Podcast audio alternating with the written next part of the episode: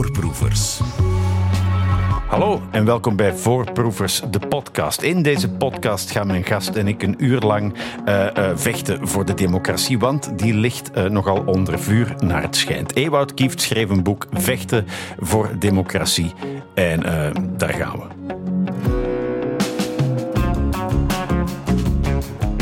Voorproevers.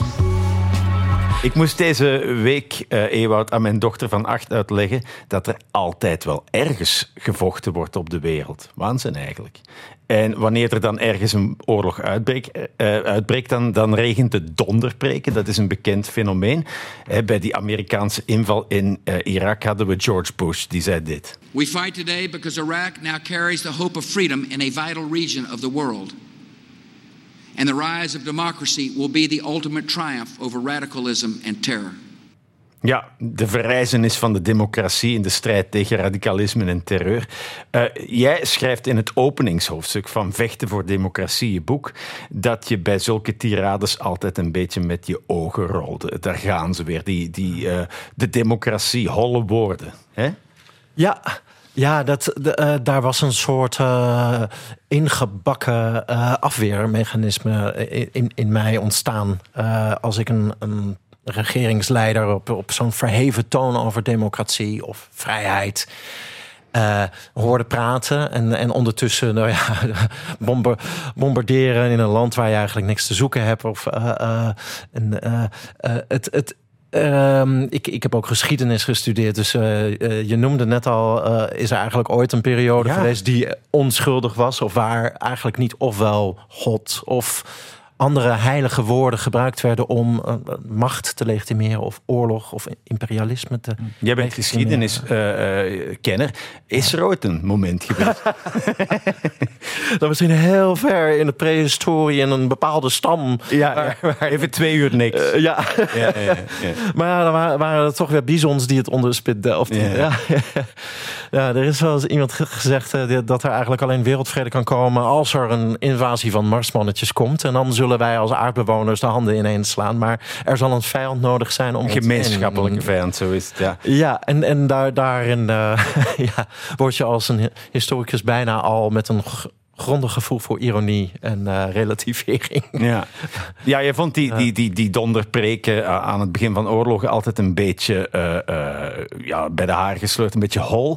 Tot ineens, ja. bijna een jaar geleden, Poetin besloot om tegen de verwachtingen in dan toch maar besloot Oekraïne binnen te vallen. En je merkte bij jezelf ineens een omslag. Ja, en het was niet zo dat ik nou als ik Ursula von der Leyen op dezelfde plechtige toon. We vechten, wij, wij als democratieën vechten nu tegen de autocratieën. Of onze Nederlandse minister Wopke Hoekstra, toch mm -hmm. ook wel een belichaming van dat soort holle uh, retoriek. De, die zei hetzelfde. De democratieën vechten nu tegen de autocratieën. Ik geloofde hen niet meteen, maar ik merkte wel. En toch geloof ik het op mijn eigen manier toch ook wel. Ik denk namelijk wel dat hier een, een uh, ja westerse democratische waarden in het geding zijn. En als uh, Oekraïne niet gesteund wordt en het verliest... en uh, zomaar een Russisch imperialistische regering ongestraft een soeverein land kan binnenvallen. En overigens natuurlijk ook uh, um, een, een, regering. De, Rusland zat toch ook met heel veel lijntjes achter. Misleidingscampagnes in, uh, in Nederland. Uh, er zijn allemaal geldstromen blootgelegd naar, naar partijen die overal twijfel zaaien, chaos mm -hmm. zaaien. En uh, dus ja, ik geloofde ook van ja, het is, het is ook wel zo. Ja. Toch blijf ik sceptisch. Dus ik had vooral een soort innerlijke strijd uh, bij deze woorden democratie. Wat ik, ik ja, ik, ik ben wel iemand die echt uh, heel passioneel is eigenlijk over, over democratie. Ik, al, al, al vanaf het moment dat ik met geschiedenis bezig was. Maar, maar um, ja, het is ook het woord democratie is ook een van de meest promiscue. Mm -hmm. uh, ja. ja. het wordt veel misbruikt. Ja, iedereen gebruikt het uh, voor, ja. zijn, voor zijn eigen winkel. De ene, zijn demo ja. democratie is niet die van een ander. Nee, uh, president Xi van China die zegt ook: wij zijn democratie. Wel, weliswaar met een uniek systeem van raadpleving. maar ja, Poetin zegt ook: wij zijn een democratisch land. Het de Russische volk wordt vertegenwoordigd door, door deze regering en is het daarmee eens. En ja, ze, daar heb je een probleem probleem, hè? Dat, dat, dat, dat het begrip zo, zo uitgehold wordt. Ja, en dan, dan, dan wijst het dus inderdaad wel uh, heel erg op de noodzaak om, om uh, toch weer heel scherp te gaan zeggen van ja, maar we moeten toch gaan zeggen, dit is echt democratisch en dit niet. Ja, ja, ja. En, en bijvoorbeeld kun je al heel makkelijk zeggen dat uh, als regeringsleiders als Poetin of Xi en ook, ook iemand als Trump um, zegt, ik vertegenwoordig het volk. Uh, en, en doet alsof dat volk eenvormig is. En dat het volk uh, dus uh, met één stem eigenlijk achter zijn leider staat. Ja, dan heb je het niet over dezelfde democratie als natuurlijk de oorsprong van het begrip. En, mm -hmm. en, en, daar moet je ook misbruik van dat woord op die manier echt hardop aan, aan, gaan spreken. Juist als je democratie wil blijven ja, ja.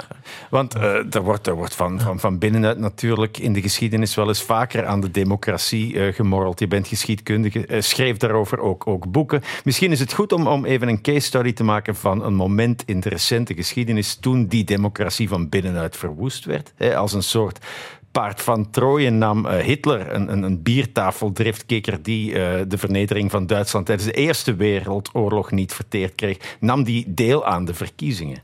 He, dat plan had hij uit de doeken gedaan in, in Mein Kampf, zijn boek. Een boek waarover jij dan weer een boek schreef, ja. dat het verboden boek heet. Ja, klopt. En, en dat was het een tijdje. Hè? Mein Kampf was een tijdje uh, nergens te vinden. Ja, in Nederland althans was het uh, ook echt ver, verboden om het boek te verkopen. Uh, mm -hmm. je mocht het wel in bezit hebben. Het was een beetje zoals softdrugs eigenlijk.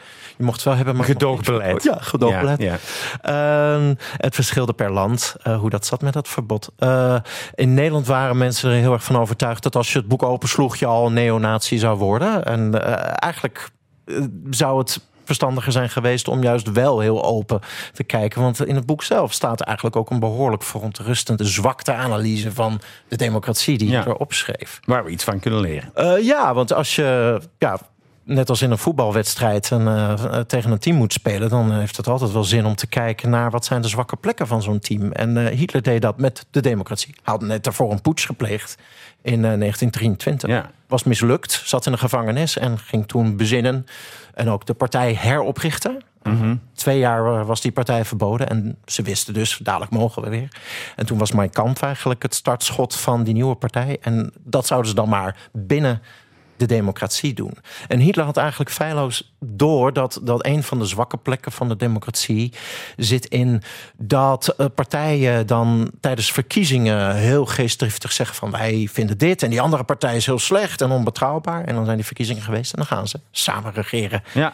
En dat is natuurlijk iets wat, nou ja, dat zien we nog steeds. Uh, uh, dat na elke coalitiebespreking is de glans er toch al vrij snel vanaf. En is er bijna geen andere manier dan teleurstelling. En dat blijft heel belangrijk dat je als ja, partijleider dan toch ook de connectie met je achterban en mm -hmm. met de belangen. En, en, en dat, dat, dat, deed die Hitler bijvoorbeeld heel sterk. Hè? Die zei van nooit uh, je fouten toegeven, vasthouden aan die principes van die ja. beloftes tijdens de campagne. Ja, eigenlijk was zijn uh, idee van als je maar fanatiek genoeg bent en zegt van wij doen niet mee aan dat gekonkel, aan dat uh, compromis en dat schilderde hij uiteraard ook af als corrupte zooi en een, een, elite die dus eigenlijk ook maling had aan hun achterban.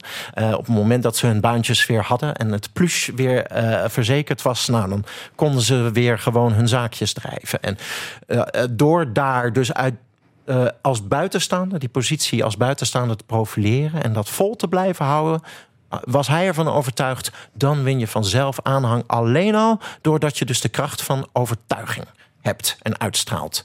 Dus de, de, de strength of conviction. En dat, dat, dat was een, ja, een zeer sterke analyse. En dat is een van die momenten dat je in mijn kamp leest van verdomme, daar heeft hij uh, wel een, een punt. Ja. Uh, en het werkt nog steeds, hè?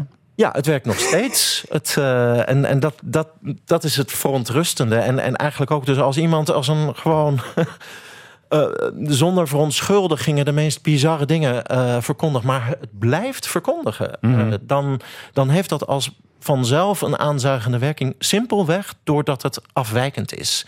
En, en duidelijk. En dat, is ook, dat is ook leuk. Ja. Als iets duidelijk is. Als iets duidelijks en, en bijna dus een garantie of een belofte dat deze man of vrouw of deze partij niet zal meedoen aan de status quo. En dan weliswaar misschien voor echte verandering zal zorgen. Ja, draining the swamp deed Hitler, dat, die deed daar ook aan mee. Ja, en, en, en, Hitler uh, verkondigde ook trouwens fake news als, uh, nou ja, het maakt niet uit uh, of je de waarheid verkondigt of niet herhaal het gewoon vaak genoeg. En dan mhm. geloven mensen het op een gegeven moment ja. vanzelf. En dan blijft er zelfs, als het ontkracht is, toch altijd iets van hangen. Ja, ja. En dat is toch uh, voor de jaren twintig, uh, toen de massademocratie nog maar net bestond, een vrij uh, ja, vernuftig inzicht. Mm -hmm. Sluw ja. tacticus was hij zeker. Ja, dat, dat, dat moeras schoonmaken, de zuivering, dat is ook een, een, een thema dat, dat nog steeds leeft en de democratie van binnenuit kan, kan verwoesten. Hè. De, de soort van wedergeboorte beloven aan de kiezer. Van, van wij als volk komen er weer bovenop. Wacht maar. Ja, eigenlijk uh, is dat een heel oud verhaal. Uh, um, je kan zeggen dat zelfs de, de oude religies, eigenlijk de oude christelijke verhalen van er is, we zijn nu als, als volk of als gemeenschap in verval, maar er zal een wederopstanding komen of, of binnen onszelf. Uh, zijn we in verval of zijn we in de war en, en, gaat het niet goed met ons? Maar als we wederop staan als het ware en het ware geloof omarmen, dan worden we herboren. Dat, is, uh, dat zit je, zie je in, in, allerlei varianten zit, zit dat in de menselijke cultuur eigenlijk. Mm -hmm. En dat lijkt heel erg op dat politieke verhaal van dit land is in verval, het is gecorrumpeerd geraakt, we zijn zwakker, we hebben onze kracht verloren. Ja. We hebben, ooit waren we een krachtig land, een, een, een machtig land en een zuiver land. En nou ja, dat is eh, door, door eh, gekonkel en uh, nou, globalistische elites. Of, ja. of en, hebben we onze oorspronkelijke zielskracht verloren. En er is één partij, er is één beweging of één man of vrouw die uh, ervoor kan zorgen dat dat weer terugkomt. Ja, het grappige is, er zijn uh, wel twee mannen die dat de laatste tijd zeggen. Uh, Trump zei Make America Great Again en Biden zegt dan Let's build back better. Ja, precies. Het, zit, het is ook helemaal niet voorbehouden aan rechtse politici. Linkse politici hebben dat ook zeker uh, gedaan. Uh, en bijvoorbeeld in, in, in periodes waarin de linkse politiek ook wat meer succes had. Dus je zou kunnen bijna kunnen zeggen, als je dat soort verhalen gebruikt, dan krijg je misschien wel vanzelf succes. Mm -hmm. Maar daar zit dan in van het kapitalisme heeft ons zwak gemaakt. En als wij als volk weer de handen ineens slaan, dan uh, zullen wij die kracht weer herwinnen. Dat, daar zijn dus allerlei varianten in. En en, dat, ja, dat is uh, uh, vaak wel een mythe. Dat is bijna een soort religie. Uh, ja. Elke Hollywoodfilm zit natuurlijk ook een soort loutering.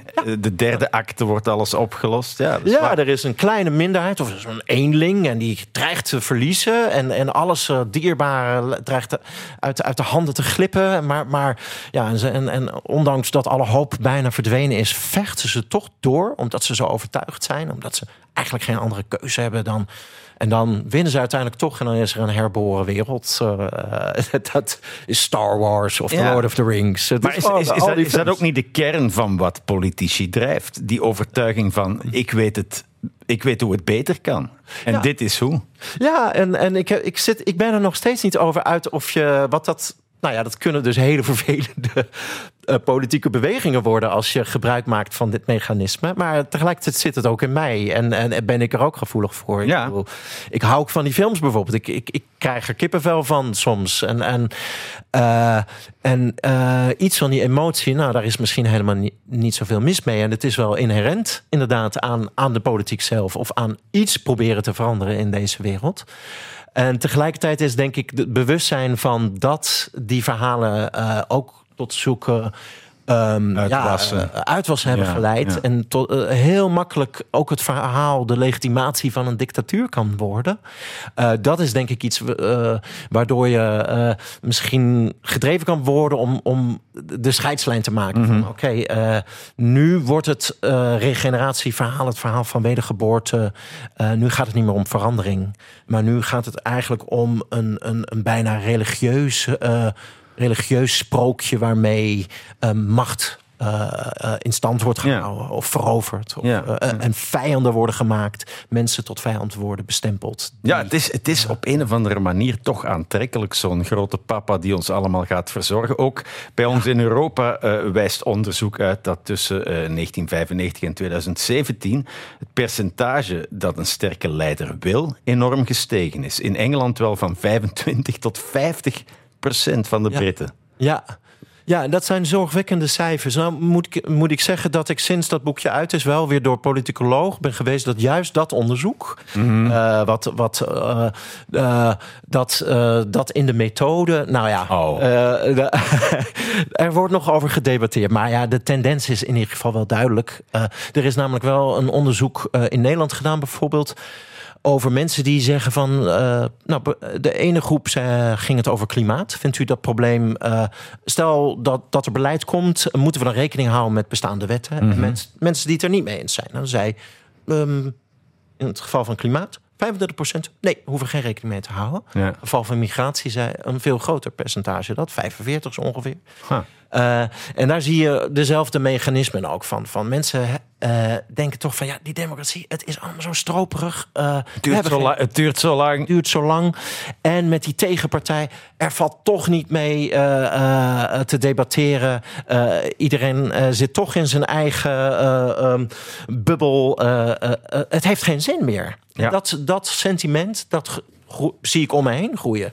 Uh, onder vele weldenkende vrienden, onder buren. Die, mensen die niet meer uh, meedoen, hè? Ja, ja mensen die niet meer meedoen. En ook juist mensen die juist zichzelf heel redelijk vinden. En die mensen die niet meer meedoen onredelijk vinden. En, en, die zeggen dat weer van hun. Ja, van, ja het heeft toch geen zin. Het zijn wappies. Het. Zijn, ja. Je zegt ook ergens in je boek dat het ook niet zo verwonderlijk is dat mensen dat vinden van die democratie. Het is toch allemaal moeilijk, het duurt lang.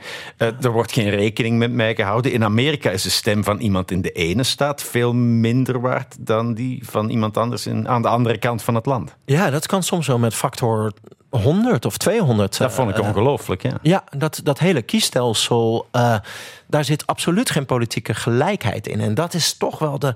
Uh, fundament, het, is het fundament van een democratie is dat toch, uh, of je nu een, een bankier bent, een miljonair of een bakker. Je stem is evenveel waard. Je stem hoort evenveel waard te zijn. Ja. Dat is wat er toch echt in een democratie uh, uh, gegarandeerd moet zijn. Eigenlijk, nou in Amerika lachen mensen daarom, want iedereen weet dat dat niet zo is. ook vanwege de partijfinanciering. De laatste verkiezingen in november, daar zitten miljarden en miljarden. Het verdubbelt bijna elke ronde. wat daar dus aan bedrijven en mm -hmm. Dus uh, daar, daar, geld lopen te geven. Nou ja, dat doen ze echt niet uit, uit liefdadigheid. En dat weet iedereen. Dat gaat over uh, invloed. Dat gaat over invloed. En dus als je rijk bent, heb je meer macht en heb je meer te zeggen in de politiek. En dat, ja, daardoor vertrouwen mensen natuurlijk niet meer zoveel in de democratie. Mm -hmm. 7% van de Amerikanen heeft nog vertrouwen in het congres. Ja, in Europa loopt het niet zo'n vaart, maar toch ja. is het hier ook niet gelijk. Hè? Nee, uh, dat, uh, het probleem van, van uh, lobbyisme is in, in Nederland, uh, uh, van, van België weet ik er minder van. van ik, ik krijg wel eens wat mee. Uh, ja, ja, ja. En, en uh, van wat schandalen. Uh, en dat valt me op. Die hebben we hier ook hoor. Ja.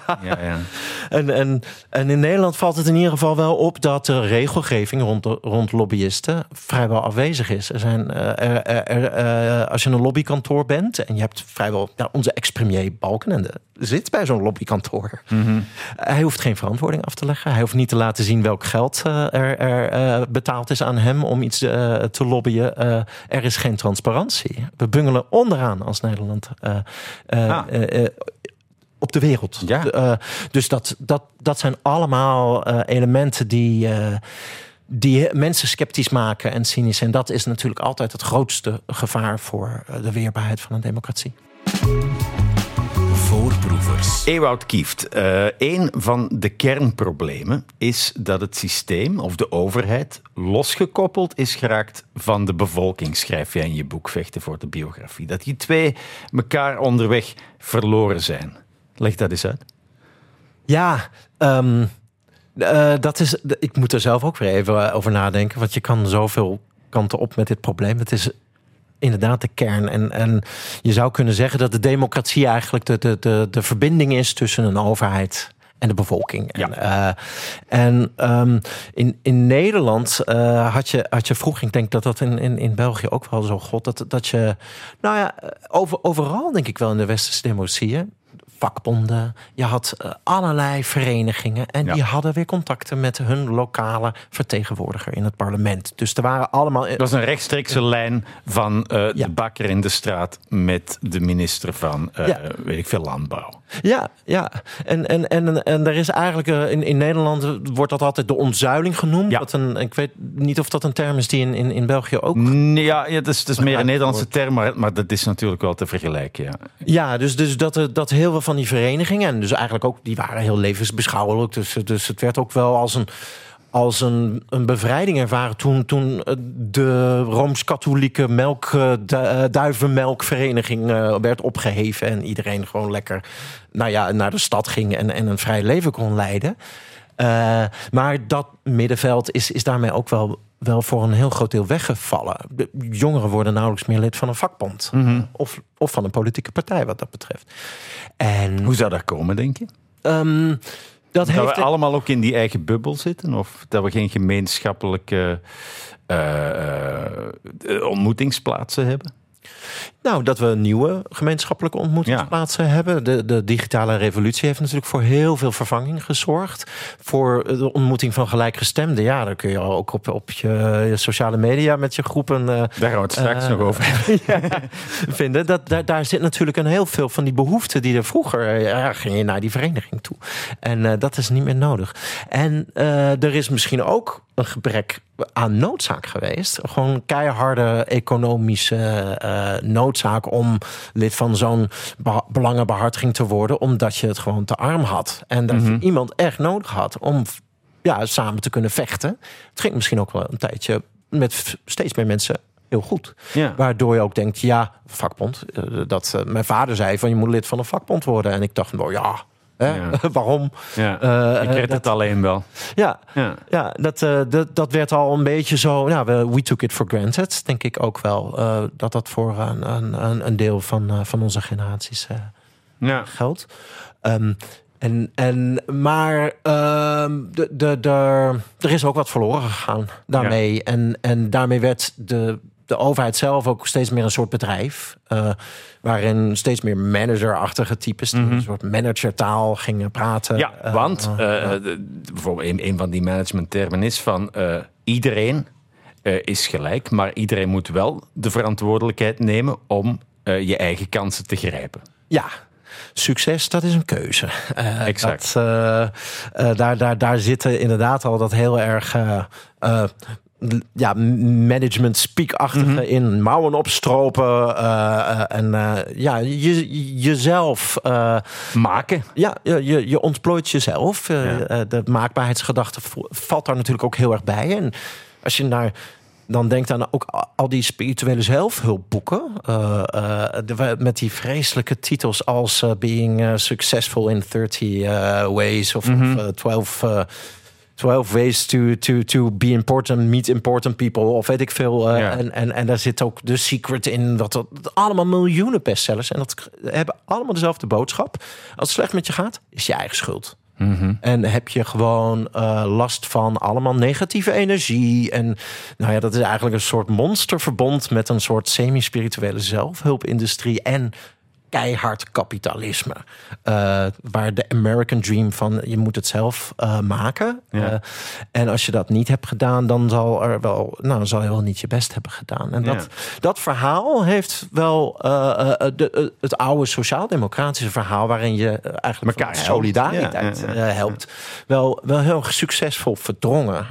en ook juist bij mensen die, die nou ja, die, die uh, solidariteit juist heel erg hard nodig hebben. Mm -hmm. En ook klassiek sociaal-democratische partijen zeggen dat. Hè? Je, kunt, je moet jezelf uh, uh, redden, zeg maar. Misschien nog wel meer dan de conservatieven. Waarom? Uh, ja, dat is ook vaak een, een, misverstand wat over neoliberalisme wordt gezegd. Dat zijn eigenlijk niet de conservatieve partijen. Dat zijn linkse partijen die marktmechanismen willen toepassen in publieke voorzieningen. Dus eigenlijk in Nederland hebben we, hebben we overal zwembaden bijvoorbeeld. Nou, Mhm. dat, zijn, dat is met publiek geld gebouwd. Hè? Dat, dat, dat, dat is geen bedrijf die dat kan betalen. Maar dat is wel een bedrijf die het runt. En als er te weinig bejaarden komen zwemmen, nou, dan schaffen we het bejaardenzwemmen af.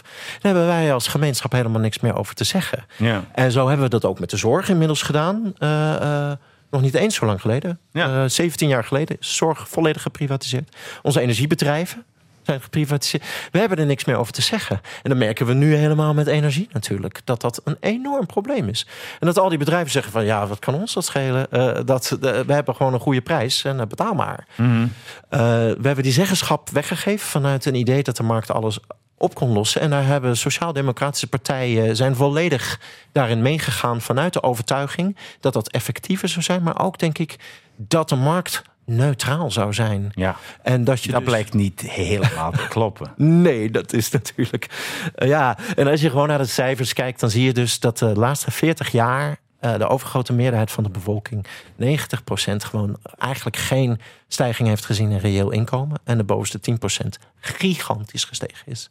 Ja. En dan werkt dat verhaal van: hé, hey, we zijn een democratie en iedereen wordt er een beetje beter van. En vooral iedereen is hetzelfde. Dat is ja. niet helemaal waar. Ja, ja. Nee, dat geloven mensen niet. En dan krijg je weer dat mensen cynisch en sceptisch worden. En dat blijft het grootste, de grootste bedreiging, denk ik. Hardcore democraten zoals eh, David van Rijbroek zeggen dan... we moeten naar een systeem dat louter door burgers bestuurd wordt... gelood uit de samenleving. Wat is daar het voordeel van? Nou, ehm, daar zijn echt voordelen van. Eh, daar heeft David van Rijbroek me ook wel echt in aangestoken. Eh, wat wat eh, psychologen vaak laten zien, is dat onze rationaliteit eigenlijk niet zo werkt dat wij nou per se door goede argumenten altijd overtuigd worden. Het is vaker zo dat we al lang gekozen hebben en onze ratio gebruiken om argumenten erbij te halen om onze keuze achteraf te verdedigen. Oh ja. En eh, politiek is nou bij uitstek iets van: hé, hey, ik vind eh, die vrouw irritant. Ik vind die vrouw wel een goede partijleider. Dus ik heb al gekozen puur op gewoon persoonlijke voorkeur. En dan ga ik daarna wel, eh, als ik eh, allemaal argumenten naar mijn hoofd geslingerd krijg. Kies eh, ik er een paar uit. En ja, dan, ja, nou ja, dan kan ik heus wel eruit komen. De, de, daar kun je je slimheid voor inzetten. En dat doen de meeste mensen ook. En daar is allemaal onderzoek naar gedaan en laat dat heel erg zien. En dus partijpolitiek is dus eigenlijk een systeem wat dat mechanisme in ons brein heel erg stimuleert. En als je nou gelood wordt, dan heb je dus niet, eh, weet je niet van elkaar wie wat stemt. Eh, je bent niet bezig met een een of andere leider die je wel of niet sympathiek vindt. Eh, eh, en je krijgt gewoon dus met elkaar in een ruimte. Er is wel een, een, een gewogen loting geweest in het systeem wat David van Rijbroek bepleit. Waarin je dus ook echt wel alle lagen van. de Iedereen is vertegenwoordigd. ja, precies. Ja, dus praktisch werken naar hoogopgeleide en ook precies in de verhouding zoals ze in de samenleving zijn. En, eh, maar je zit met elkaar, je weet dat niet van elkaar. En je krijgt dus een probleem voorgelegd. Eh, in Nederland is er dus nu een, eh, is het voorstel gedaan om dat met klimaat te gaan doen. In Frankrijk is dat ook al gebeurd. En, en dan krijg je dus de vraag van hoe denken jullie, hon, jullie, oh gij 150 Ja. grote burgers, hoe we klimaatneutraal in 2050 kunnen worden? En daar gaan ze dan in de loop van een half jaar eh, met allemaal voorlichters die ze zelf mogen kiezen. eh, zoeken naar wat nou de beste antwoorden zijn. En dan krijg je natuurlijk wel gesprekken die je eh, in een normale politieke strijd niet zo vaak krijgt. Voorbeeld. Ehm, het voorbe- bekendste voorbeeld die pleitbezorgers van burgerberaden noemen is het, het burgerberaad over abortus in Ierland. Ja. Dat was een ei. Nou ja, daar kwamen, kwamen de Ierse politici niet uit. Nou, Ierland, katholiek land, zat een heel groot taboe op. Tegelijkertijd wa- wa- waren de meest schrijnende verhalen van vrouwen die met ziekte te kampen hadden of met verkrachting, die dus eh, dan ergens anders naartoe moesten of eh, in ieder geval niet geholpen konden worden. Ehm, er werd een gewogen loting gemaakt. En eh, voor het eerst in de geschiedenis, mensen konden het bijna niet geloven, was er gewoon een meerderheid. En, en er zaten natuurlijk ook gewoon eh, eh, eh, eh, vrome mensen in, in dat burgerberaad. Echte uitgesproken tegenstanders Ja. van, van het opheffen van het abortusverbod. En ze kwamen eruit. Ze waren in overgrote meerderheid tegen afschaffing. Oh. En Ah, dat ja. is Dus uh, het, het, uh, het abortusverbod werd opgeheven. En dat is dus een enorm succesverhaal. Eigenlijk dus van, hey, de, de gevestigde politiek komt er niet uit. Die partijen die hebben zich ingegraven. Die burgerberaden hebben ervoor gezorgd dat gewone burgers er wel uitkomen. Dat is een heel inspirerend voorbeeld. Ja, ja. en u ziet ook iets waar jij een nou. lans voor wil breken. Maar, maar er zijn ook gevaren. Hè? De, ja, precies. In het geval van Ierland werd er daarna wel een referendum gehouden. En dat is wel cruciaal. Want als je dan zegt van nou, die 150 mensen hebben. Beslissen het maar. Beslist. Ja, ja, ja. En, en, dan heb je natuurlijk een probleem van draagvlak. En dan zullen heel veel mensen die heel erg.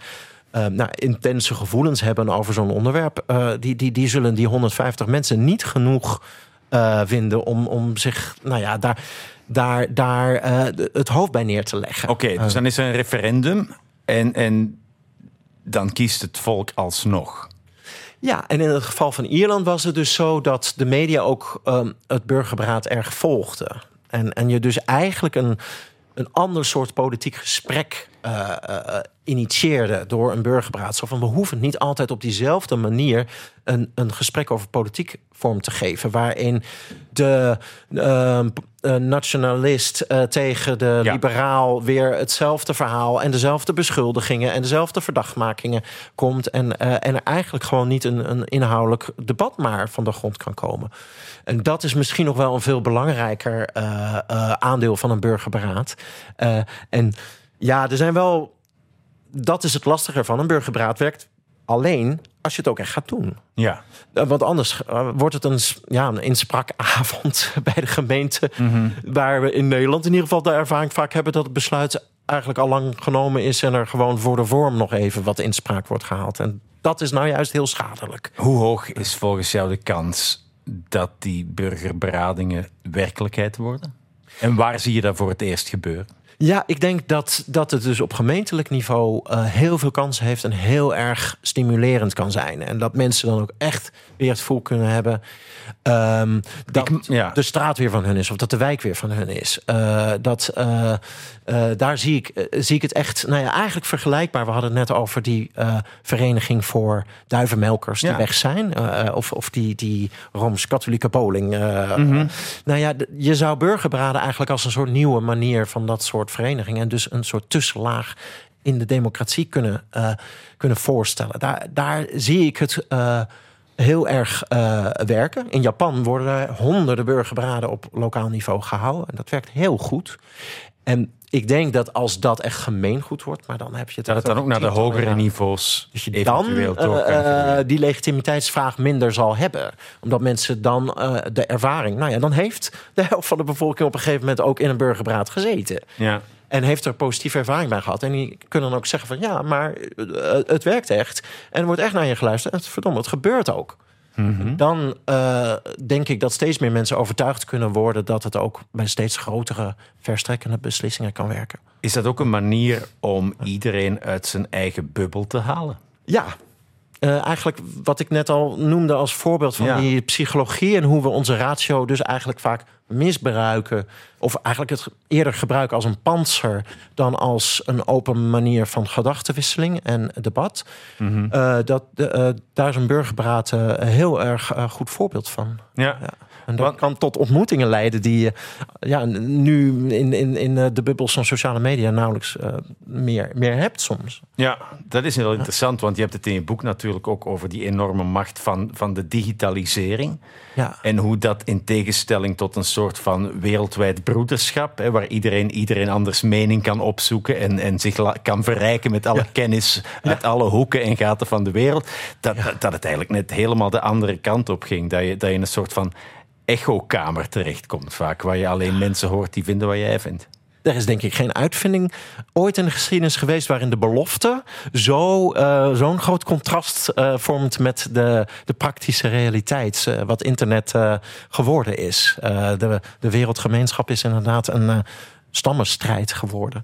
Ja. En ja, En dat, dat, dat- die digitalisering werkt dan ook weer net eh, eh, dat, dat, dat, dat autoritaire, dat, dat autocratie ook, ook in de hand. Hè? Want eh, waar, je, waar je bijvoorbeeld zegt van oké, er zijn inderdaad alternatieve democratieën, zoals, zoals Rusland, zoals Hongarije bij ons of, of zoals China. Die zijn dan weer heel blij met die digitalisering, omdat zij eigenlijk een, een soort van gemeenschappelijke interesse hebben, namelijk data van Ja. de mensen. Wie zijn, wie zijn die mensen? Ja, eh, ehm, vroeger was er altijd eh, het idee dat eh, ehm, technologische innovatie eh, eigenlijk altijd in een open samenleving in democratie eh beter Vooruitgang, vooruitgang Ja. zal brengen. Daar werd, er was een enorm zelfvertrouwen in. Maar dit is nou toevallig een technologie waar dat niet voor geldt. Eh, want eh, Facebook en nou ja, Meta moet ik eigenlijk zeggen. Want Ja. het is nog veel groter dan, dan Facebook of, of Twitter. Of, Mhm. Dat, dat zijn nou bedrijven die, die, die eh, ja, met miljarden eh, eh, eigenlijk een soort, soort, soort gedragsonderzoek nu doen op, de, op de wereldbevolking. Waar ze gewoon hele systemen aan het optuigen zijn. Hoe je nou, in commercieel opzicht natuurlijk klanten kan bedienen. Maar uiteindelijk ook preventie kan uitvoeren op gezondheidsniveau. Eh, Van, eh, van Facebook weten ze dat ze zich beroepen op dat ze zelfmoordpreventie bijvoorbeeld kunnen traceren. Dus aan het gedrag van, van iemand wat ze posten online. Nou, dat is een prachtig nobel doel. Ja. Eh, maar ja, de, de, de, in China is dat alweer doorgevoerd. Van COVID-beleid bleek het natuurlijk ook heel nuttig te zijn. Maar inmiddels eh, is het ook een heel mooie manier om te kunnen zien eh, wanneer iemand eh, het dreigt een beetje tegen draads te gaan Ja. denken. En en, en dat, dat is een enorm gevaar van die bedrijven. Naast natuurlijk dat, eh, het een schijn van eh, vrije discussie eh, biedt. Ja. Terwijl er, nou ja, in, in, het geval van Twitter bijvoorbeeld, zoveel bots en, en, en fake accounts zijn die worden gekocht door grote partijen, Ja. door China vaak, eh, waar, waar je dus een misvorming van het En als we het dan debat. toch inderdaad over democratie hebben, hè, die, die, die, die, die bots die klinken wel even luid op Twitter als jij of ik. Ja, en soms luider. Het- Dus gaat het dan nog over vrije meningsuiting? ja, dus daar moet, moet je op een gegeven moment als democratie ook wel het lef voor hebben van ja, de, de vrijheid van meningsuiting geldt inderdaad niet voor een bot. Mhm. Ook niet voor een fake account. Ja, er stond een heel mooi eh, quote in van eh, Karel Polak, een oude Nederlandse eh, minister uit eh, vroegere tijden. Die zei dat je zoveel mogelijk ruimte voor protest moet maken, maar wel de grenzen scherp moet stellen in een democratie. Ja, en Dat vond ik wel eh frappant. Ja. Ja, en hij zei daarbij: eh, democratie is niet voor bange mensen. Eh, en daarmee doelde hij op dat eh, dus eh, het verbieden van protesten eh, of eh, van, van, eh, van ontsporende, eh, eh, nou ja, de, eh, de, de vaccinweigeraars en zo. Dat, Ja. weet je, een democratie dat. Ik dat zie, hier ook- ineens, ik zie hier ineens in de heat of the moment dat onze uitzending erop zit. Ewout, dank je wel. eh, voor- een gespreksonderheid. ja. Voorproevers. Ja, het was zo interessant eh, ik dacht dat het gesprek nog uren door zou gaan. Maar het is natuurlijk maar een uurtje. Dit was Voorproevers, eh, de podcast eh, met Ewout Kieft over zijn boek eh, Vechten voor Democratie. Voorproevers.